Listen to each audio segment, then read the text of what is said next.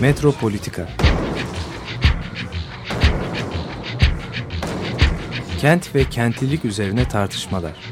Ben oraya gittiğim zaman balık balık balık balık tutabiliyorum mesela.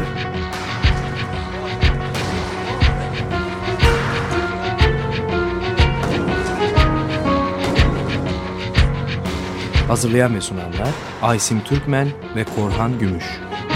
Takusu yok yani. kolay kolay boşaltamadı. Yani elektrikçiler terk etmedi Perşembe Pazarı merkezini.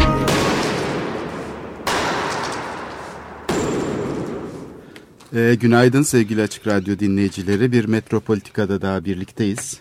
Bugün e, Aysim Türkmen'le birlikte e, biraz kamusal alan ve bu şey üzerine durmak istiyoruz. E, sivil toplumun katılımı, işte Santral İstanbul örneği e, ve belki de biraz bu yerel yönetimlerin güçlendirilmesi meselesi gibi konular. Ee, ilk önce istersen Aysim Telefon şey- bağlantılarımız olacak. Telefon bağlantımız olacak evet. Ee, Asu Aksoy'a erişebilirsek ders arasında. Ee, bir de e, bu şimdi kamusal alan dediğimizde genel bir e, tipoloji var. Yani Türkiye'nin kamusal alan anlayışında aslında kamusal alan deyince resmi alan. Yani herkes bunu şey yapıyor. Yani resmi alan e, dışında sivil toplum bu kamusal alana nasıl katılıyor, nasıl giriyor diye baktığımızda da onlar da işte piyasa aktörleri ve çıkar grupları olarak kamusal alanda temsil ediliyorlar. E, Dolayısıyla yani yöneticilerin karar verici olduğu, siyasi kurumların içindeki bürokrasinin karar verici olduğu, sivil toplumunda genellikle tüketici olarak veya çıkar grubu olarak katılabildiği bir kamusal alan anlayışımız var. Bu sadece eğitim konusunda değil, sadece sanat konusunda değil, aşağı yukarı bütün sosyal konularda, şehir planlamada, mimarlıkta, kamu hizmetlerinde, ulaşım hizmetlerinde her şeyde böyle. Yani sadece e, şeyde değil, yani belli bir alanda değil. Aslında bu Türkiye'nin Cumhuriyet'in resmi e, prototipi, şey örgüt, kamusal e, alan prototipi, örgütlenmesi. Şimdi bu yeni anayasa tartışmaları sırasında da bu çok önem taşıyor. Yani bu kamusal alana sivil toplum nasıl katılacak? Sivil toplumun buradaki işlevi ne olacak? Sadece kamusal alanda bir e, çıkar grubu olarak mı? Sadece bir e, ilgi grubu olarak mı? Ya da sadece hizmetlerden yararlanan pasif kullanıcılar mı olacak? Bu çok önemli bir konu. Ee, şimdi sen Cumhuriyet dönemi dedin. Aslında istersen geçen haftayla da bir küçük bir bağlantı kuralım. Geçen hafta e, programın e, son yarısında 18. yüzyıldan bahsetmiştik ve orada aslında bir kamusal alanın oluşmaya başlamasından Evet sen ona işaret etmiştin özellikle de değil mi? Evet, modernliğin oluştuğu, Sivil toplumun oluştuğu. adeta e, şey içinde e, denetlenmemiş ya da söylemleştirilmemiş bir e, kamusal alan içinde herkesin biraz deneysellik yaşadığı bir kamusal alandan söz etmiştin sen. Gene devletin hani e, sarayın tepeden müdahaleleri var. Gelgitiler Bazı, var. e, mekanları açması var. E, Evet. hani e, aynı zamanda da o mekanlar üzerinde çok ciddi kontrol sağlamaya çabalaması var. Ama e, gene de hani böyle e, halkla ya da e, saray dışındaki kesimlerle sarayın daha bir hani e, iletişimde olduğu, daha bir çarpıştığı alanlar olarak kamusal alanları görüyoruz. Şimdi e, hani Cumhuriyet'in ama aslında 19. yüzyıldaki Osmanlı içindeki modernleşmeye de baktığımız zaman orada başlıyor bu daha tepeden inmeye, daha müdahalece, tanzimatla özellikle belki, belki Yeniçeri Ocağı'nın kaldırılması, her, hatta daha öncesinde e, 3. Selim'le e, olan müdahalelerle daha farklı bir şekilde bir rasyonel, merkezi bir müdahale başlıyor zaten. Hani oradaki o zaman 19. yüzyıldaki e, e, duruma baktığım zaman hiçbir şekilde 18. yüzyılı artık hatırlatmıyor bile. Bambaşka bir e, müdahale biçimi var. Bu E, tabii ki Cumhuriyet'e de Evet. e, akıyor. Hani hala daha da sürüyor. Ama 18. yüzyıl o anlamda bu e, kendiliğinden kamusallaşma şeyini kaybediyoruz. 19. yüzyılla başlıyor bu durum. Kesinlikle zaten ilerleme fikrinin e, şeyi de bu, gelişme alanı da bu. Çünkü ilerleme fikri aslında tam da kamusal alanın sınırlı olduğu, denetiminin sınırlı olduğu bir mana kazanıyor. Çünkü Sınırlandırılması gerektiği gibi mi? E, yok kamusal alanı ele geçirmesi yani temsil alanı genişledikçe ilerleme olarak bunu aslında biz tanımlıyoruz. Yani e, sahiden şeye baktığımız zaman bu modern kentin oluşumuna, ta- tasarlanmasına e, çok içinde böyle bir eklemli yapı olduğunu görürüz. Yani şehir morfolojisiyle yapı tipleri arasında böyle bir tasarlanmış bütün yani modern homojen mekan gibi bugünkü TOKİ konutları gibi böyle tasarlanmış cetvelle çizilmiş sokaklar işte onun içinde de her şey her birime kadar yani el, elinde tuttuğu insanların eşyaya kadar telefona kadar tasarlandığı bir bütün değil aslında sadece işte su kanallarının, atık su ve basınçlı su, işte elektrik kablolarının, yol genişliklerinin tasarlandığı, ışık ve şey ilişkilerinin biraz gözetildiği, e, kaldırım, yaya alanı, işte araç şeylerinin karma kullanım şeylerinde caddelerde e, ilişkisinin gözetildiği bir takım e, müdahaleler anlıyoruz. Yani imar planı yapmak daha çok yapıların dizilişini ve yolların genişliğini saptamak gibi bir şey. Kalkıp da yani bu kamusal alanın e, şeyi yok. Yani işte ızgara plan denilen şey zaten o Evet, hani o homojen bir şey, evet. Hani e, düz çizgiler ve yan çizgileri bir mekana e, giydirmek. Yani Evet. O mekanı o anda aslında yok etmek. Izgara plan denilen şey mekanın bütün tarihi özelliklerini yok etmek. Tamamen e, şeye soyut e, bir şeye dönüştürüyor. Geometrik bir- geometrik bir şeye dönüştürüyor. Ama işte New York'ta gördüğümüz gibi de mesela içinden şeyler fışkırabiliyor. E, serbest bırakılınca gökdelenler her biri ayrı tarzda, ayrı bir e, tasarım şeyi gibi bir tür fragmente olmuş bir kamusal alana dönüşüyor. Yani bu homo- homojen kamusal alan aslında bir bakıma da e, parçalanmanın da bir e, şeyini getiriyor e, sonucunu getiriyor. Çünkü e, ne kadar tasarlama şeyi varsa o kabiliyeti o kadar da parçalanıyor. Her biri ayrı bir tasarım şeyi haline geliyor ve türdeşleşiyor da bir bakıma. Yani tasarımsal özellikleri açısından e, şeyi açısından da benzer özellikler taşıyor bütün şehirler. Şehirler de türdeşleşiyor. Yani buradaki artık bu yerellik Farklı şey- tabii modern bindirmeler var. Hani e, işte New York'ta ızgara plan, Paris'te e, işte bulvarlar.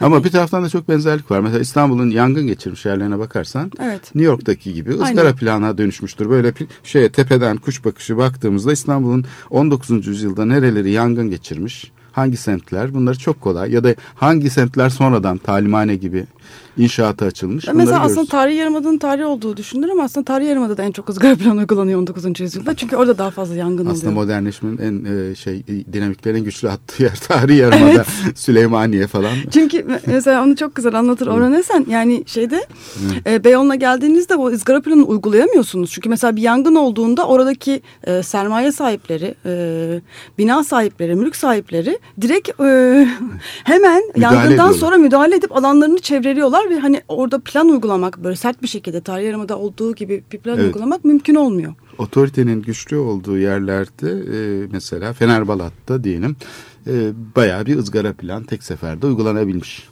E tabii Fener- Fenerbahçe'de düşündüğün zaman Aksaray'da uygulanamış. Hani mahalle sakinleri e, güç sahibi değiller. Paralı değiller.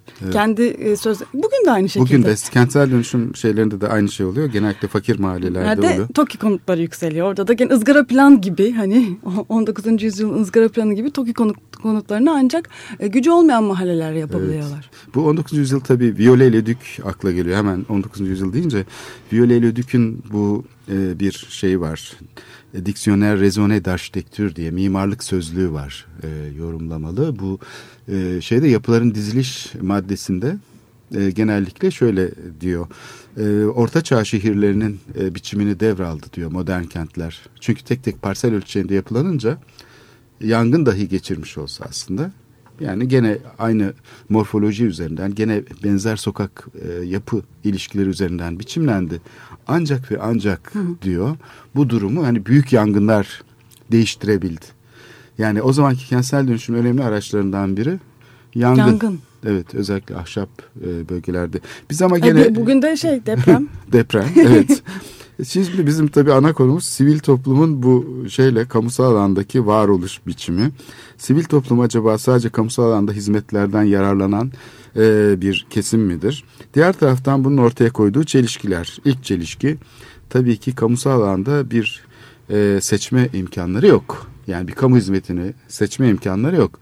Dolayısıyla ne yapılırsa yapılsın hizmetlerin sonuçlarına maruz kalma durumları var. İşte burada seçme hakkının olmamasından dolayı katılım hakkı gibi bir özellik var ve alternatiflerin de ortaya konması gibi e, seçeneklerin ortaya konması gibi de bir zorunluluk var. Şimdi bu kamusal alana katılım meselesinde ise Türkiye'de çok ciddi bir kriz yaşanıyor. Yani bu krizi kolay kolay e, e, şey yapmamız e, mümkün değil, geçiştirmemiz. Çünkü e, demokratik standartlara bu kamusal alan tanımı uymuyor. Türkiye'nin kamusal alan tanımı yani bu kamusal alan resmi alanda olarak tanımlanmış olması ve tamamen e, resmi mekanizmalar yani kamu yönetiminin sadece resmi kurumlar tarafından seçimle dahi gelmiş olsalar, atanmış da olsalar yönetilmesi e, ciddi bir e, problem.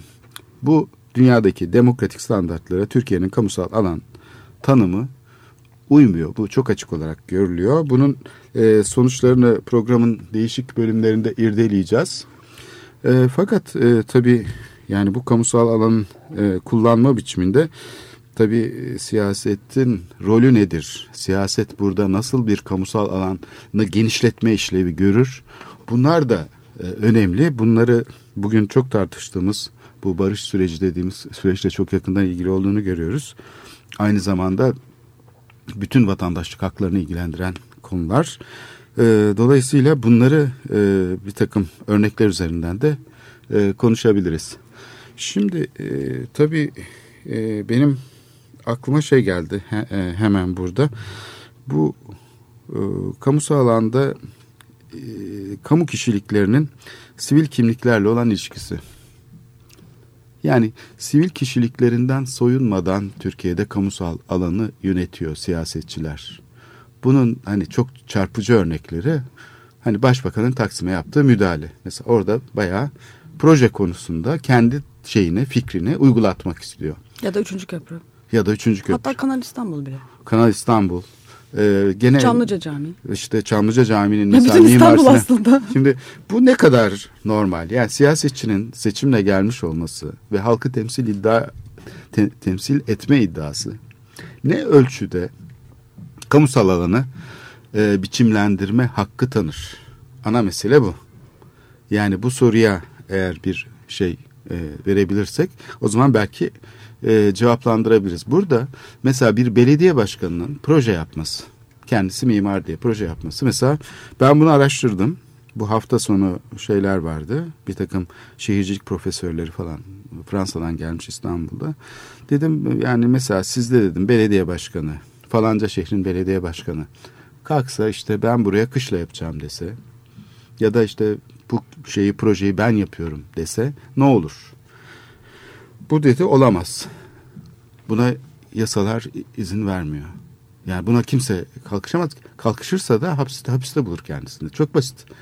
Ya Bu yani sivil kişiliğiyle kamusal kişiliğini örtüştürmesi kendi evine mobilya alır gibi bir belediye başkanı ya da bir başbakanın karar vermesi kabul edilebilir bir durum Aslında değildir. Türkiye'deki yasalarca da bu kabul edilir bir şey mi? Yani Adnan Menderes'in sorgulaması sırasında mesela bunlar gündeme getirilmemiş miydi? Şimdi zaman zaman tabii Yani bu- bu şeyler oluyor. Türkiye'de de böyle bir şey var aslında. Yani bütün bunlar ciddi bir e, suç unsuru olarak gündeme getirildi. Aslında bak bütün e, şu kamu- Dalan'la ilgili de davalar, Vedet'in Dalan'la ilgili de davalarda bunlar Tabii. ort- yani hukuken bunlar sorunlu olarak ortaya getiriliyor aslında. Ama burada işte bir, bir elastik bir durum var. Mesela şeyi hatırlıyorum İzmir Belediyesi'ndeki bu soruşturma yapılan soruşturma bir herhalde konser etkinliği mi onun için yapılmış bir ihaleyle ilgili. Şimdi normalde bakarsak bütün proje hizmetlerinin yani fikir üretiminin araştırma hizmetleri ihaleyle yapılması mümkün değildir. Yani en düşük fiyatı verene buyur sen bakalım şu araştırmayı yap şu projeyi yap falan demesi mümkün değildir. Dolayısıyla her zaman bu tip yani kültürel faaliyetlerde kamunun hizmet almasında bu ihale yöntemi, piyasa aktörü modeli her zaman zaten kriz yaratıyor. Şimdi bu sivil toplum meselesini yani kamusal alanda kültür faaliyetlerinde sivil toplum meselesini örnek teşkil eden uygulamalardan biri de geçenlerde işte bu Santral İstanbul konusunda yaşandı. Üniversite e, buradaki sanat müzesini devraldı mekanı olarak ve koleksiyonunda müzayede, müzayede ile satışa çıkardı. E, bu konuda Bilgi Üniversitesi'nden Kültür Yönetim Bölümünden e, Asu Aksoy'la e, bir söyleşimiz ol, olacak. Kendisine bağlanalım. Merhaba Asu Aksoy. Merhabalar. Merhaba. E, şimdi biz e, genel bir e, kamusal alan ve burada işte sivil toplumun nasıl e, sürece katılabildiğine örnekler veriyorduk. Yani kültür, sanat alanında ve Santral İstanbul'un da burada bir örnek olarak nasıl geliştiğini bir müze olarak ama aynı zamanda bir sanat e, kurumu olarak nasıl sürdürülebilir olamadığını da bir parça e, tartışabiliriz zannediyorum. E, bize son olarak e, bu konudaki e, görüşlerini aktarabilir misin? Yani bu son galiba eserler e, şeye satıldı, e, müzayede de galiba tekrar koleksiyon dağıtıldı ve bu koleksiyonun dağılmasına karşı bazı çevrelerden e, itirazlar oldu. Yani genel olarak bir sanat kurumunun yaşaması için ne gerekiyor Türkiye'de? Bunu bize kısaca anlatabilir misin? Evet, e, teşekkür ederim. E, günaydın. E, evet, Santral İstanbul e, farklı e, bir kurum olarak ortaya çıktı. Şöyle, bir üniversite bünyesinde e,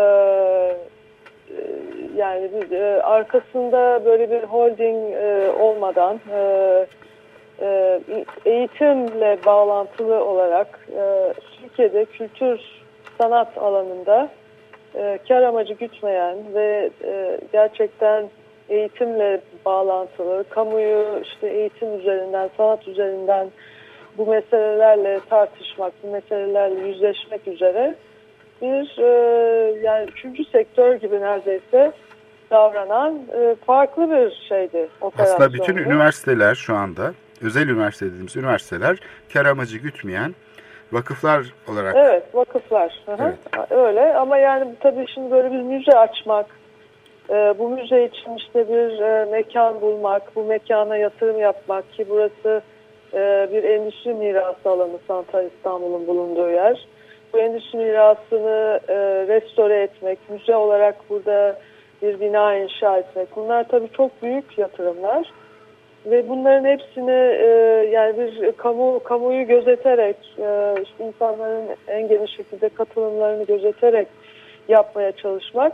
Bunların hepsi aslında yapıldığı dönemde ki 2007'de açıldı Santral İstanbul çok yeni e, şeylerdi atılımlardı. Daha çok özel sektör e, vakıflar aracılığıyla nasıl operasyonlar yapıyor kendi müzesini açıyor işte e, kendi binasını açıyor ee, ve işte koleksiyonu oluyor zaten. O koleksiyonu sergileyerek başlıyor filan.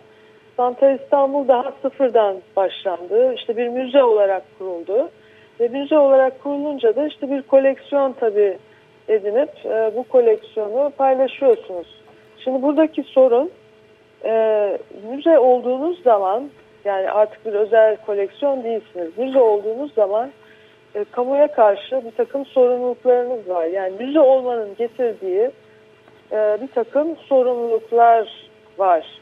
E, işte koleksiyonunuzu nasıl saklayacaksınız, işte nasıl sergileyeceksiniz, e, bu, bu nasıl anlatacaksınız, nasıl paylaşacaksınız? Bu sorumluluklar bu koleksiyonu... yasalarla mı tarif ediliyor yoksa e, yani genel olarak etik e, tabir edebileceğimiz e, yaklaşımlar mı bunlar? Şimdi Türkiye'de? Uluslararası e, Müzeler Birliği'nin e, bu konuda etik kuralları var.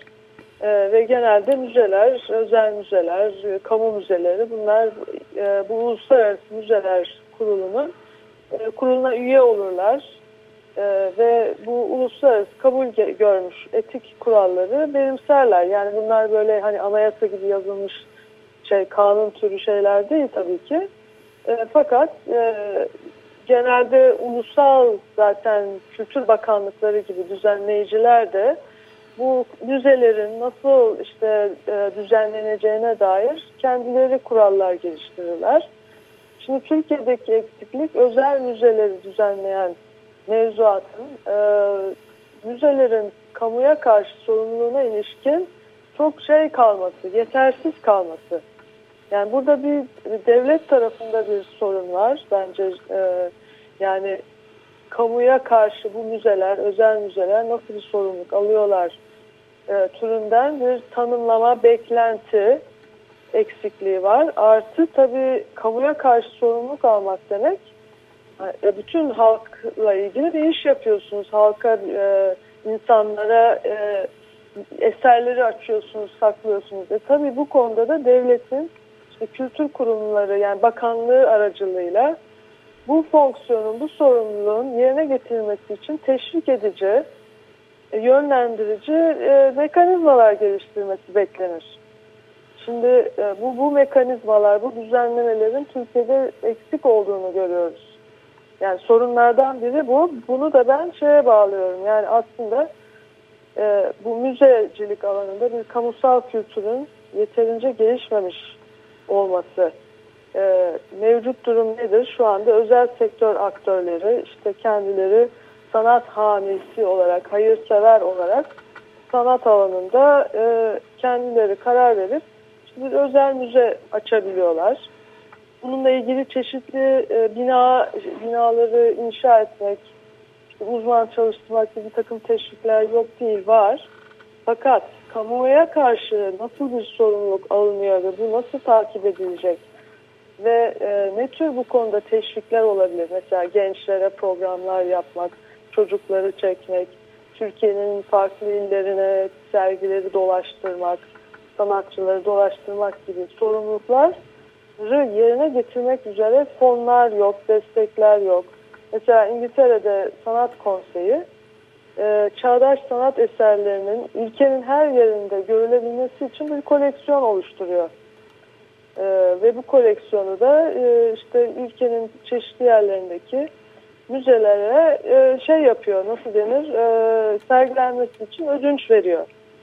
Evet. Anlatabiliyor muyum? Yani bunu yapabilmesi için de sanat konseyi nedir? Bir aslında devlet kurumu. Bir kamu e, şey yani. Kültür Bakanlığı'nın, Kültür Spor ve Medya Bakanlığı'nın altında özel bir e, şey kendi bütçesi olan yani bütçesini tabii ki maliye ile oluşturarak e, ortaya çıkaran ve bunu çalıştıran bir kurum. Bu kurum kendisi koleksiyonunu yapabiliyor yıl sonra bu koleksiyonu yapma amacı da işte tam da İngiliz kamuoyunun bu e, çağdaş sanat alanında e, işte bilgilenmesi, eserlere ulaşabilmesi, e, görebilmesi, zevk alabilmesi, bunu bunu sağlamak için bir koleksiyon yapabiliyor mesela. Evet burada tabii Şimdi, sadece teşvikler değil belki şu da söylenebilir. E, kültür ve sanat veya herhangi bir alandaki bu bilgi üretimi, fikir üretimi de olabilir, araştırma da olabilir. E, Türkiye'deki modelde sadece ihale ile bunlar verilebiliyor piyasa aktörlerine. Yani mesela belediyenin e, diyelim onlarca kültür merkezi var. Bunlara gittiğimiz zaman gördüğümüz manzara şu, bir takım e, müteahhitler, taşeronlar onlara e, şeyi almış oluyorlar, yıllık olarak ihaleyi ve oranın işte sahne sistemini bilmem nesini falan yapıyorlar. Fakat tabii program geliştirme dediğimiz zaman bunun içine işte sanatçıların katılımı dediğimiz zaman bir arayüz yok. Orada sadece bürokrasi var. Yani atanmış bir bürokrasi. Taşeronu o yönlendiriyor. Şimdi bu teşviklerin dışında zaten normal işleyişinde de yani kamunun sivil toplumla ilişkisinde de bir problem var. Biz e, programın başında da buna değindik. Yani sadece resmi kurumlardan oluşan bir kamu alanı var kültür alanında veya başka alanlarda. Onun dışında da tiyatro olsun, sinema olsun bunların hepsi e, piyasa aktörleri olarak, ticari faaliyetler olarak gerçekleşiyor genellikle. Birbirine paralel iki sistem gibi gidiyor bunlar. Birbirini tamamlıyor bu iki sistem. birbirine e, değdirecek, birbirlerinden yararlanmalarını sağlayacak. Senin dediğin gibi e, mekanizmalar ve bakış açısı e, gelişmiş değil. Yani bugün belediye kültür merkezlerinin ne gerçekten e, aslında bir özel sektör olarak yani bir tiyatro grubu olarak mesela bir teklif verebilirsiniz aslında. E, evet. Yani oyunlarınızın e, kültür merkezinde oynanması için. E, fakat hepsini böyle dosyanızı işte koltuğunuzun altına alıp dolaşmanız lazım kültür merkezlerine. E, bunun için de belediye kültür dairesi e, genel müdürüyle belki görüşmeniz lazım filan. E, bu tür şeyler ve bütün kurumlar yapamıyor tabii. Evet. Yani aslında belediyelerin bu konuda belki bir arayış içine girip işte bağımsız kültür aktörlerinden ben e, yaratıcı oyunlar e, satın almak istiyorum, bunları göstermek istiyorum gibi farklı seslere açılmak istiyorum gibi politikalar Evet, burada da arayüzü genellikle olabilir. bağımsız aktörler oluşturabilir. Yani e, burada bir arayüz problemi olduğu çok açık. Ben şeyi hatırlıyorum, Kültür Başkenti, Avrupa Kültür Başkenti programında sanatçılar geldikleri zaman, işte diyelim bir sinema eseri olacak ya da başka bir şey. E, nasıl başlıyor süreç? İlk önce işte projeyi kabul ettiriyor falan filan. Son aşamaya gelindiğinde ama ihaleye girmeniz lazım deniyor. Ya da siz bir şirket kurun mecburen o şirket aracılığıyla çünkü bize fatura kesmeniz gerekiyor deniyor. Bu o kadar e, ilginç bir boyut kazanmış ki Türkiye'de. Diyelim ki İstanbul'un surlarının restorasyonu için araştırma yapılacak. Fikir Bunun projesi. için yani özelleşebilmesi lazım. Yani İhaleye yönetim çıkılıyor mesela bunun için. Evet. özelleşebilmeleri kendi bütçelerini kendilerinin e, ha, e, yani tabii ki denetlenebilecek şekilde çünkü Evet. kamu adına harcıyorsunuz. Kar amacı gütmeyecek, tabii ki. Denetlenebilmesi Evet. lazım. Bunun için baştan şeffaf kurulması lazım bir. Evet. İkincisi şeffaf yaparsanız o zaman güven konusunda bir sorun yaşanmaz ve özerk olması lazım bu yapıların. Yani kendi bütçelerini e, harcayabilir olmaları lazım ama bunun için de güven oluşturmak lazım. Bunun için de şeffaf olması lazım bütün bu süreçlerin. Evet. Şimdi e, yani paralel bir sistemden bahsediyoruz. Gerçekten bir tarafta işte devletin kendi işte koleksiyonu var. Öbür taraftan özel müzeler işte kuruluyor. Onlar kendi koleksiyonlarını sergiliyorlar. Şimdi burada e, özel müzelerin kamuya karşı sorumluluklarını hep beraber tanımlamamız gerekiyor. Yani olay sadece Kültür ve Turizm Bakanlığı'nın ya da işte ilgili kurumların bu alanda düzenleme yapmaktaki eksiklikleri değil. Sivil tarafın da bunu talep etmekteki eksikliği. Yani Santal İstanbul bütün bu sergileri yaparken, bütün bu işleri yaparken ne derecede e, destek alabildim? Destekler nerede vardı? Bu söz konusu muydu? E, anlatabiliyor muyum? Yani e, bu konuda hem tüketicilerin hem e, sanatseverlerin ve bütün kurumların aslında bir el ele vermesi lazım. Bu tür inisiyatiflerin ayakta kalmasını sağlayacak mekanizmaların e, yerli yerine oturması için. Aslında Avrupa Kültür Başkenti projesi böyle bir şeydi. Bu amaçla böyle bir, bu amaçla evet. başlatıldı. Yani Evet. e, sanırım e, sizin yazdığınız metinde Asu Hanım e, bu çok net belir, belirgindi zaten. Sunuş böyleydi. Bu sunumla e, bu başvuru yapıldı zaten. Evet yani tabii yani bu özel e, yani e, kamu yararı için çalışan e, böyle bir sorumlulukla e, iş çalışan e, şeylerin yapıların nasıl desteklenebileceğine nasıl ayakta kalabileceklerine dair e, bir, bir mekanizmalar geliştirmemiz gerekiyordu. Bunları tartışmamız gerekiyordu. Bunları yapmadığımız zaman ne oluyor olay? Sonunda hep çözümleri piyasada arama durumuna düşüyoruz. Yani bu üçüncü e, yol ne olabilir? Yani bu tür bağımsız özel yapılar nasıl ayakta kalabilirler? Yani arkası çok güçlü olmayan, e, bağımsız, küçük ö- e, ya da küçük olmayan neyse bağımsız yapılar nasıl ayakta kalıp kamuya karşı sorumluluklarını yerine getirebilecek şekilde devam edebilirler? Yani bunun Belki- çözümlerini hep piyasada ararsanız Evet. e, e, piyasada işte ne oluyor o zaman? Evet yani piyasanın getirdiği çözümler ortada. Yani sıkıştığınız zaman o zaman koleksiyonunuzu girip hakikaten satmak durumunda kalabilirsiniz. Olabilir bu. Yani e, oluyor da işte gördük. E, İşin başında yalnız için e, bu e, girişimin başında da şöyle bir niyet oluyor. Acaba ben ne kadar kendi projemi kamu desteğiyle gerçekleştirebilirim? Yani buradaki mantık sanat kurumlarında, kültür kurumlarında kendi açımdan acaba ben bu süreci lehime nasıl kullanabilirim? Kültür Başkenti Canım programında kamu sektörü ama şey derse ki e, e, benim destek verme koşullarım işte e, bu, sanat eserlerini en geniş bir şekilde izlemeye açma şartını koyuyorum İşte bu politikayı birlikte geliştirmeleri gerekir. Bu politikanın yani kamusal işleyişin bu mekanizmaları üzerinde fazla e, bir talep olmadığı görülüyor. E, mesela ben mimarlık alanında bunu söyleyebilirim. Meslek kuruluşları e, genellikle bu mesela bir ihale şartnamesi hazırlıyor diyelim belediye. Meslek kuruluşu da bir e, şey çıkarıyor. E, bir e, tarife çıkarıyor. ihale taban fiyat e, şeyi çıkarıyor.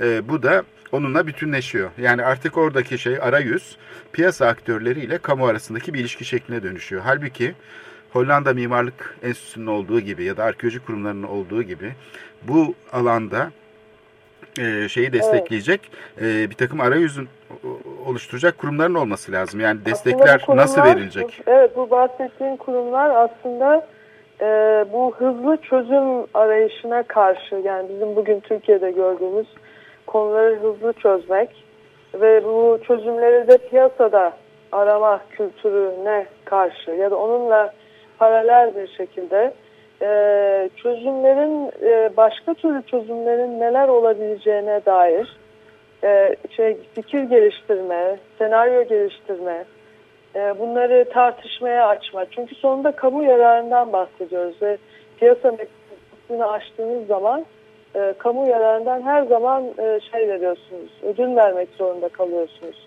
Piyasa çünkü herkesin çıkarını eşitleyecek bir şekilde çalışmıyor her zaman. E, bunu kentsel dönüşüm projelerinde de şimdi bugün görüyoruz. Yani demek ki e, piyasayı da nasıl kullanacağımızı da düşünen e, böyle bir ara düşünce, araştırma, senaryo üretme, alternatif üretme, bunların e, düşüncesine yatırım yapan kuruluşlara ihtiyaç var esas.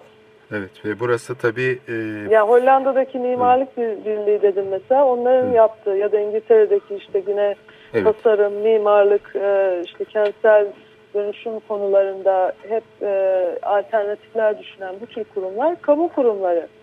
Yani bunlar Kültür ve Turizm Bakanlığı gibi yapılardan bütçe alıp kendi bütçelerini yöneten özel kurumlar. Bunların görevi tam da bu tür sorunlu alanlarda yani kamu yararının düşünülmesi gerekli alanlarda tüm paydaşları bir şekilde sürece sokarak tartışma, senaryo geliştirme, alternatif üretme gibi biraz vakit isteyen e, işte akademinin katılmasını gerektiren e, alanlarda biraz şey, nefes e, aralığı yaratmak yani bir düşünce platformu yaratmak, bir buluşma platformu yaratmak. Hemen çözümler için hızlı çünkü hızlı çözümler aslında yani yok bunlar olmadığı için de dediğim gibi ne yapıyoruz? Biz piyasa aktörleri gitsin bunu çözsün diyoruz.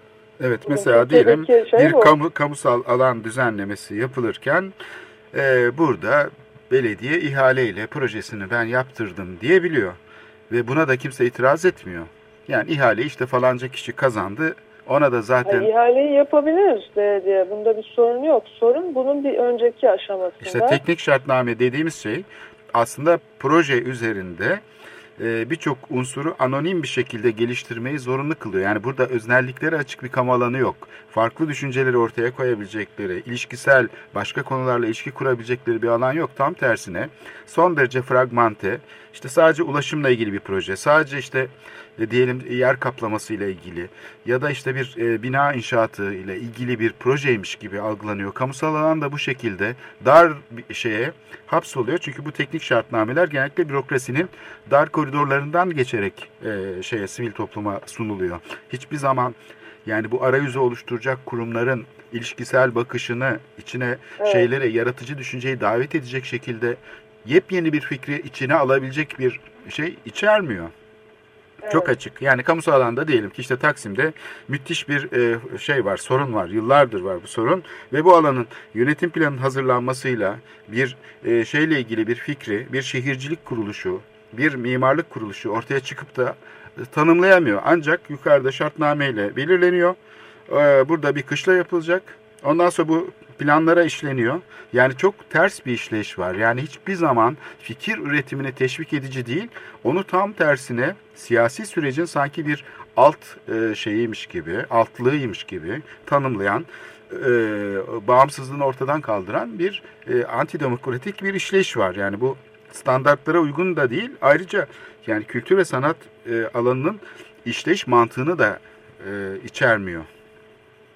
Evet yani işte burada demin dediğim gibi e, farklı yaklaşımlar olabileceğini çünkü kamu dediğimiz aslında farklı e, farklı çıkarları, farklı beklentileri, farklı ihtiyaçları e, bir araya getiren bir oluşumdan bahsediyoruz. Yani yekpare bir şeyden bahsetmiyoruz.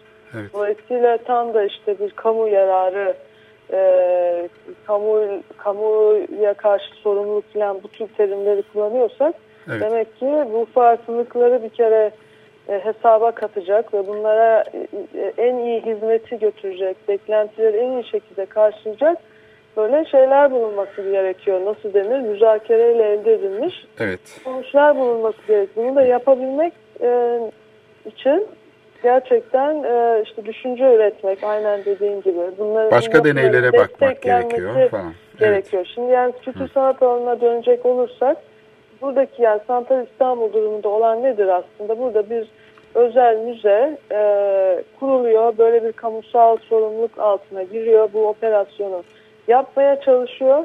Fakat Türkiye'deki kültür ve e, mevzuat yapısı gelişmemiş bence. Yani kamusal olarak böyle bir e, şeyin sorumluluğun desteklenmesi için mekanizmalar yetersiz olduğu için Evet. E, ne oluyor? Yani e, kaynaklar yettiği kadar gidebiliyor. Biz başından beri söylüyoruz yani bu Santa İstanbul gibi yapıların desteklenmeye ihtiyacı var. Bu tür yapılar kendi, sadece kendi kaynaklarıyla böyle bir sorumluluğu yerine getiremezler. Yani bunlar hep zarar eden, hep bir yerden desteklenmesi gereken e, opera, yani sanat dediğimiz başka da nasıl olabilir? Çünkü alıp satmıyorsunuz buradaki eserleri. Sürekli sergiler yapıyorsunuz, yayın yapıyorsunuz, e, yeni sergiler bir araya getirmiyor. Bunları nasıl yapacaksınız? Yani ve bunları niçin yapıyorsunuz? Yani e, Türkiye'de yaşayan insanlar, Türk kamuoyu için yapmıyorsanız ne için yapıyorsunuz?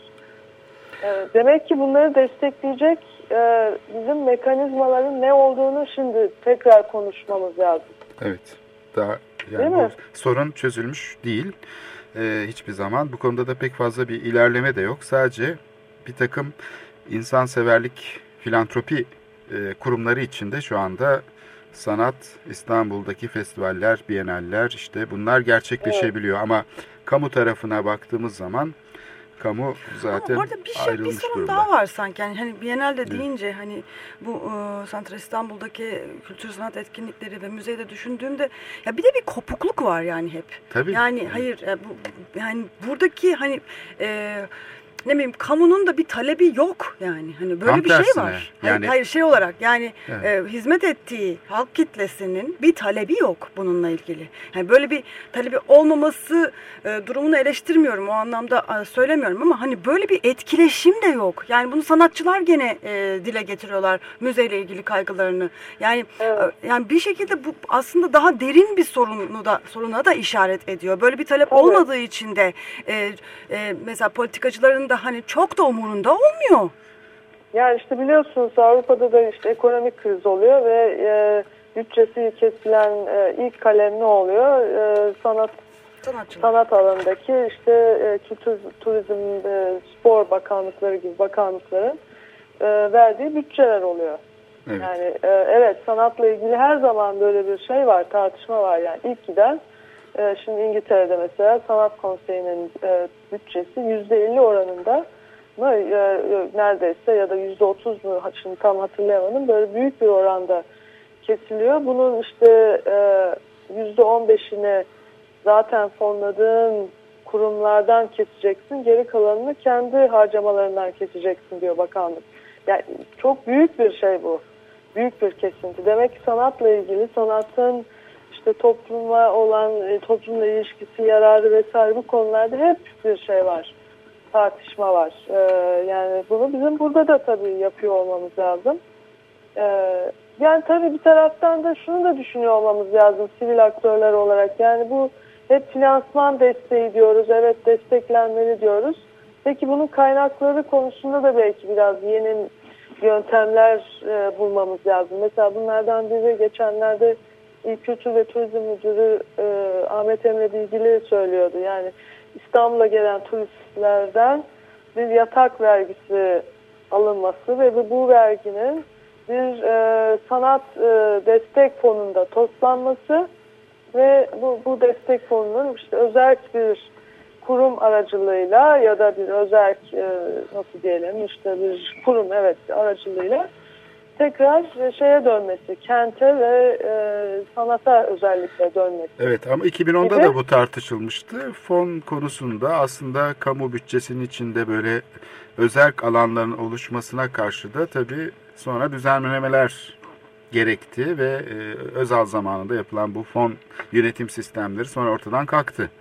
E, dolayısıyla Yani şimdi bu fonlamada aslında şö- şö- şöyle yani öyle bir mekanizma kuruyorsunuz ki bu bu e, bu finansmanın sağlayanlar yani vergisi kesilenler mesela ya da Evet. e, bu fona teşvikte bulunan tüketiciler neye teşvikte bulunduklarını bilir hale geliyorlar. Ve dolayısıyla neyi desteklediklerini de yani bu fonla sanata destek verdiklerini bilir hale geliyorlar. Bu bence çok önemli. Evet, Yani öyle ve finansman mekanizmaları bulunmalı ki evet. insanlar sanatı bununla desteklediklerini bilmeliler. Ve bunu bir, bir anlamda isteyerek dolayısıyla e, yapabilir hale gelmeliler. Tabii şimdi turistlerden kesilen yatak vergisi öyle değil. Turist geliyor gidiyor. E, anlatabiliyor muyum? Yani onları sanat alanına böylece çekmiş olmuyorsunuz. Onlardan zorunlu bir vergi almış oluyorsunuz. Petrolden alınan e, 2010'da yapılan uygulama da yani orada mesela ilk başta şöyle düşünülmüştü. Her petrol istasyonu bir sanat kültür istasyonu haline dönüşsün. Yani 2010'un bütün şeyleri, sanat aktiviteleri benzin istasyonlarında tanıtılsın, bunun iletişimi, PR'ı yapılsın denmişti. Çok iyi bir fikirdi bu. Böylece benzinden alınan verginin nereye gittiğine ve bunun öneminin ne olduğuna dair bu vergiyi veren her kişi bilgili olmuş olacaktı. Bu ilginç bir yaklaşımdı o zaman. Evet belki e, diyelim ki sinema biletlerinden, konser biletlerinden Evet. kesilen harç ve rüsumlar ki bayağı büyük bir miktar Tekrar tutuyor. dönüyor onlar sektöre. E, emlak vergisinden e, yani şey binalardan alınan e, ve emlak vergisi. Onlar Bunlar da dönüyor. şehir- Onların da dönmesi. e, Evet. ama bunlar gözükmüyor. Yani hiçbir zaman e, bırakalım şeyi yani sanat ve kültür etkinliklerini yani şu anda otopark için alınan paranın bile ulaşımla ilgili hangi şeylere çözüm olduğunu insanlar bilmeden o parayı işte e, ödüyorlar. Yani bu konuda Aynen. bir şeffaflık yani bu yok. aradaki kurumlar, bunları toplayan kurumlar bu konuda şeffaf olup yani bu paralar nereye gidiyor diye aslında bir çalışma yaptılar. Böylece e, vatandaşlar da e, vergileriyle neyi destekledikleri ve neyin önemli olduğu, neyin peşinin bırakılmayacağı konusunda çok daha belki hassas olacaklar. Evet. Evet, Gerek Asu, koruma konusunda gerek sanat konusunda evet. çok daha takip edebilecekler ve o zaman talepkar da olacaklar. Aslında etraflıca bir değerlendirme fırsatı bulduk. Yani hem sorunu tespit etmek manasında hem de aslında çözümler konusunda e, bu işin yani işte karma bütçe kullanımı nasıl mümkün olabilir, bunun organlaşması nasıl olabilir? E, bunlara da değinme fırsatı bulduk e, bir örnekten hareketle. Çok teşekkür ederiz. Çok teşekkürler. Katkıların Ben de. için. Ben de teşekkür İyi ederim. çalışmalar. Kolay gelsin. Hoşçakalın. Evet, e, Bilgi Üniversitesi öğretim görevlisi Asu Aksoy ile olan e, sohbetimize şimdilik e, son verdik. E, ve istersen çok kısa bir müzik arası yapalım. E, gerçi programın sonuna geldik ama belki bir iki dakika bir nefes alalım sonra sonlandıralım programımızda. E, David Bowie'den e, dinliyoruz Dirty Boys.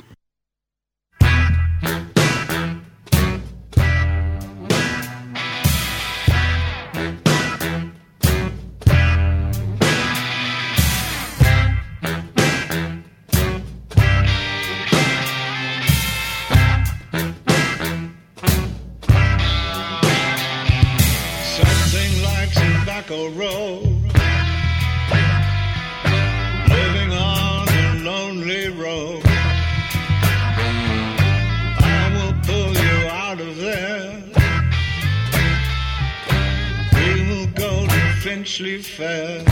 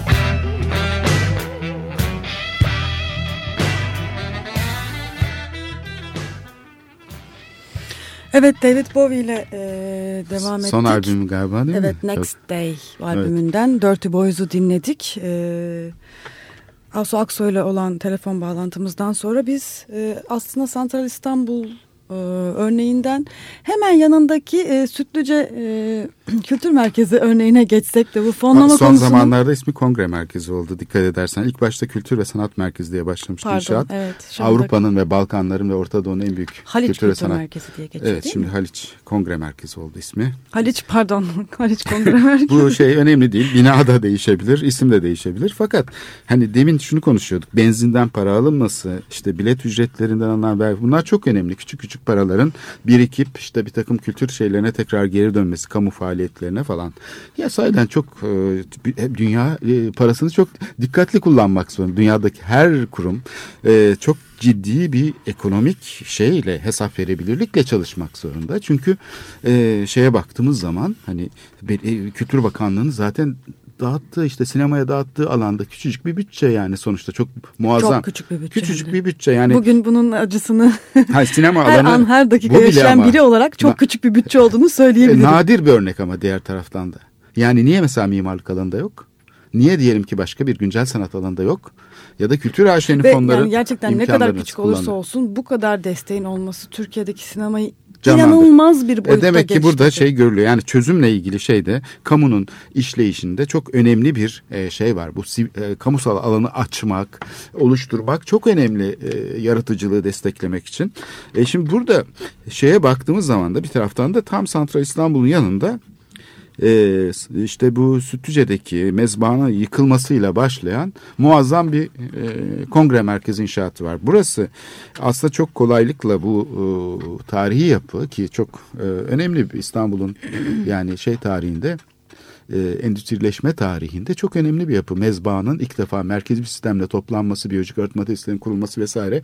Bu bir şey yani sahiden Santral İstanbul gibi e, tam da zaten e, Haliç kıyısında yer alan birkaç tane böyle kamu tesisi var. Aynı elektrik fabrikası gibi, elektrik santrali gibi önemli bir yapı. Bir gecede koruma kurulunun kararı olmasına rağmen, korunması, yıkılmadan korunması kararı olmasına rağmen sırf bu inşaat nedeniyle inşaatta kullanılacak teknoloji ve altına açılacak tünel nedeniyle yani tamamen inşaat perspektifiyle kültür miras perspektifi ya da işte yönetim perspektifiyle değil yıkılıverdi bir gecede.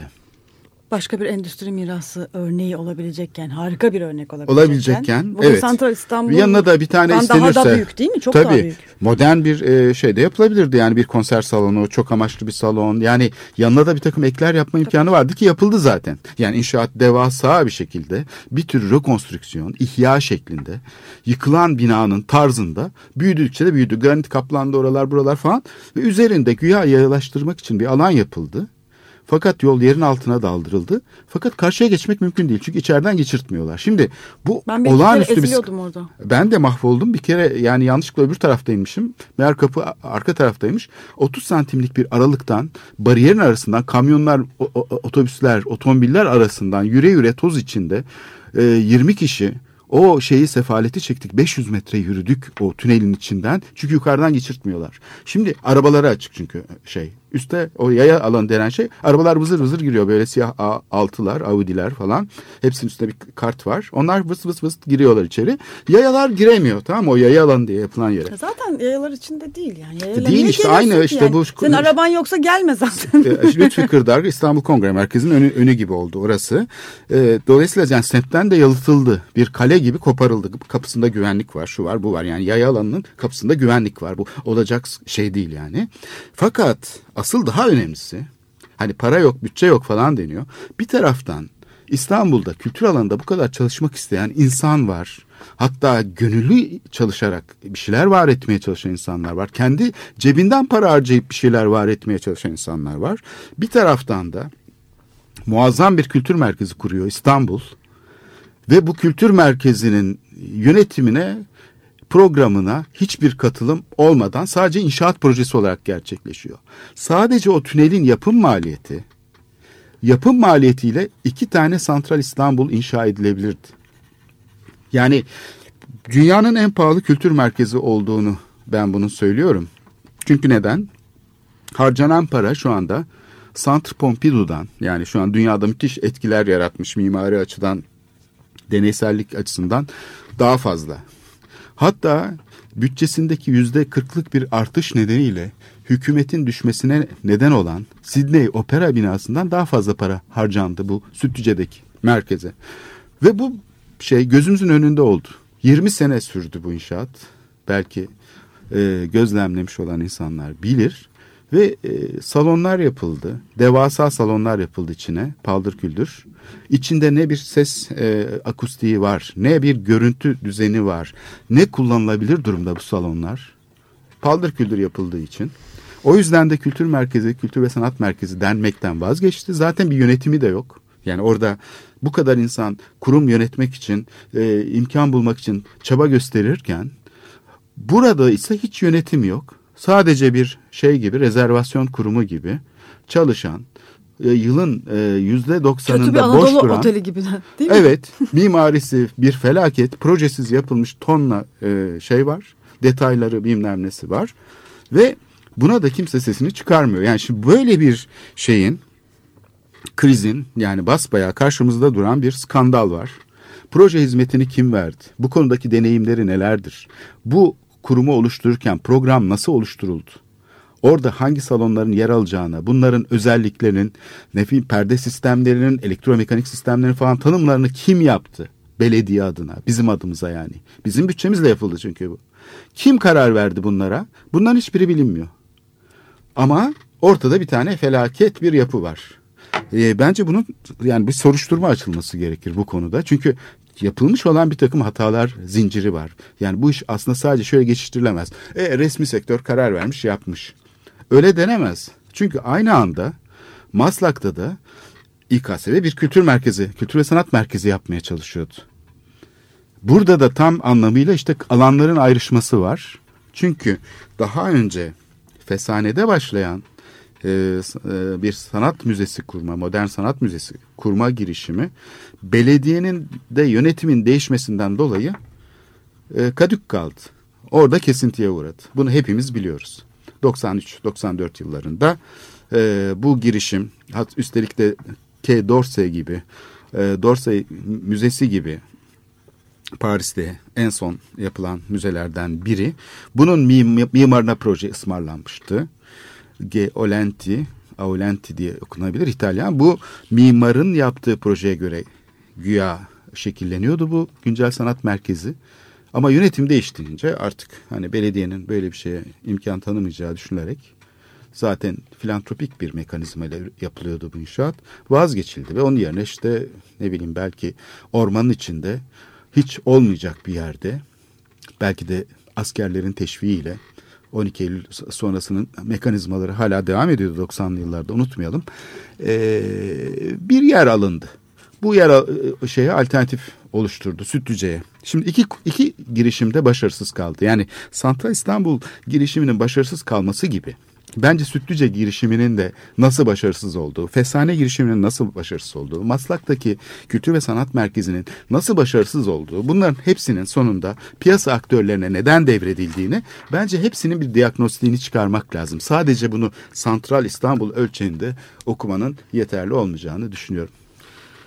Bence hakikaten e, belki de hiçbir zaman e, şu ana kadar e, birlikte düşünmediğimiz bir sürü alanı şu anda birlikte düşünme fırsatı sağladı. Senin evet iş işten şey. geçtikten sonra biraz ama yani. E, ama en azından e, önümüzdeki örnekleri e, daha iyi yaklaşabilmek için bu, bu e, tarihi son dönem tarihi bu kültür sanat tarihiyle ilgili böyle bir araştırmaya girip böyle birlikte düşünmek Keşke bir gerekiyor. test hazırlansa çünkü buradaki kaynaklar kamu kaynakları ve hepsi boşa gitti bu kaynaklar. Hani bir yerden Mesela bütçe yok orada da diyoruz. çok enteresan var. Milyarlarca e, dolarlık bir bütçe çöpe gitti aslında. Ya şey, şey de e, ben sonuçta e, sanat e, ve tasarım fakültesinde ders veriyorum ve orada benim öğrencilerim mezun olduktan sonra iş bulamıyorlar. Sa- Sanat Ha, yönetimi Diğer taraftan da işte kurumlar boş. filmlerde Yönetecek çalışıyorlar. e, organı yok. Sadece Evet. bir masa koymuşlar kapıya. Orada bir güvenlik duruyor. Salonda Ve- boş yer var mı diye soruyorsun. O kadar. Ve bütün dünyada şu anda İstanbul'daki kültür sanatı konuşuyor. Hani böyle bir talep var her taraftan. Evet. Boşluklar var, müthiş boşluklar var. Ama bu arada da müthiş kaynaklar tamamen boş harcanıyor. Şehir susuzluktan kırılıyor. Yan tarafta da muazzam bir su kaynağı şakır şakır akıyor. Tamam mı? Aynen buna benzetilebilir İstanbul'un durumu. E, gülüyoruz, e, ağlanacak halimize şeklindeyiz. Evet. bugünlük de bu kadar diyoruz. E, iyi haftalar diliyoruz. Hoşçakalın.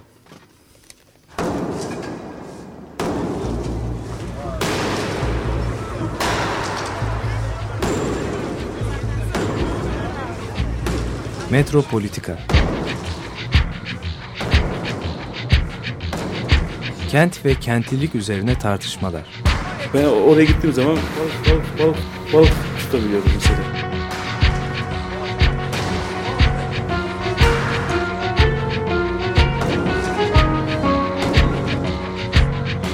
Hazırlayan ve sunanlar Aysim Türkmen ve Korhan Gümüş. Takusuyor ya. Kolay kolay boşaltamadılar. Yani elektrikçiler terk etmedi Perşembe Pazarı merkezini.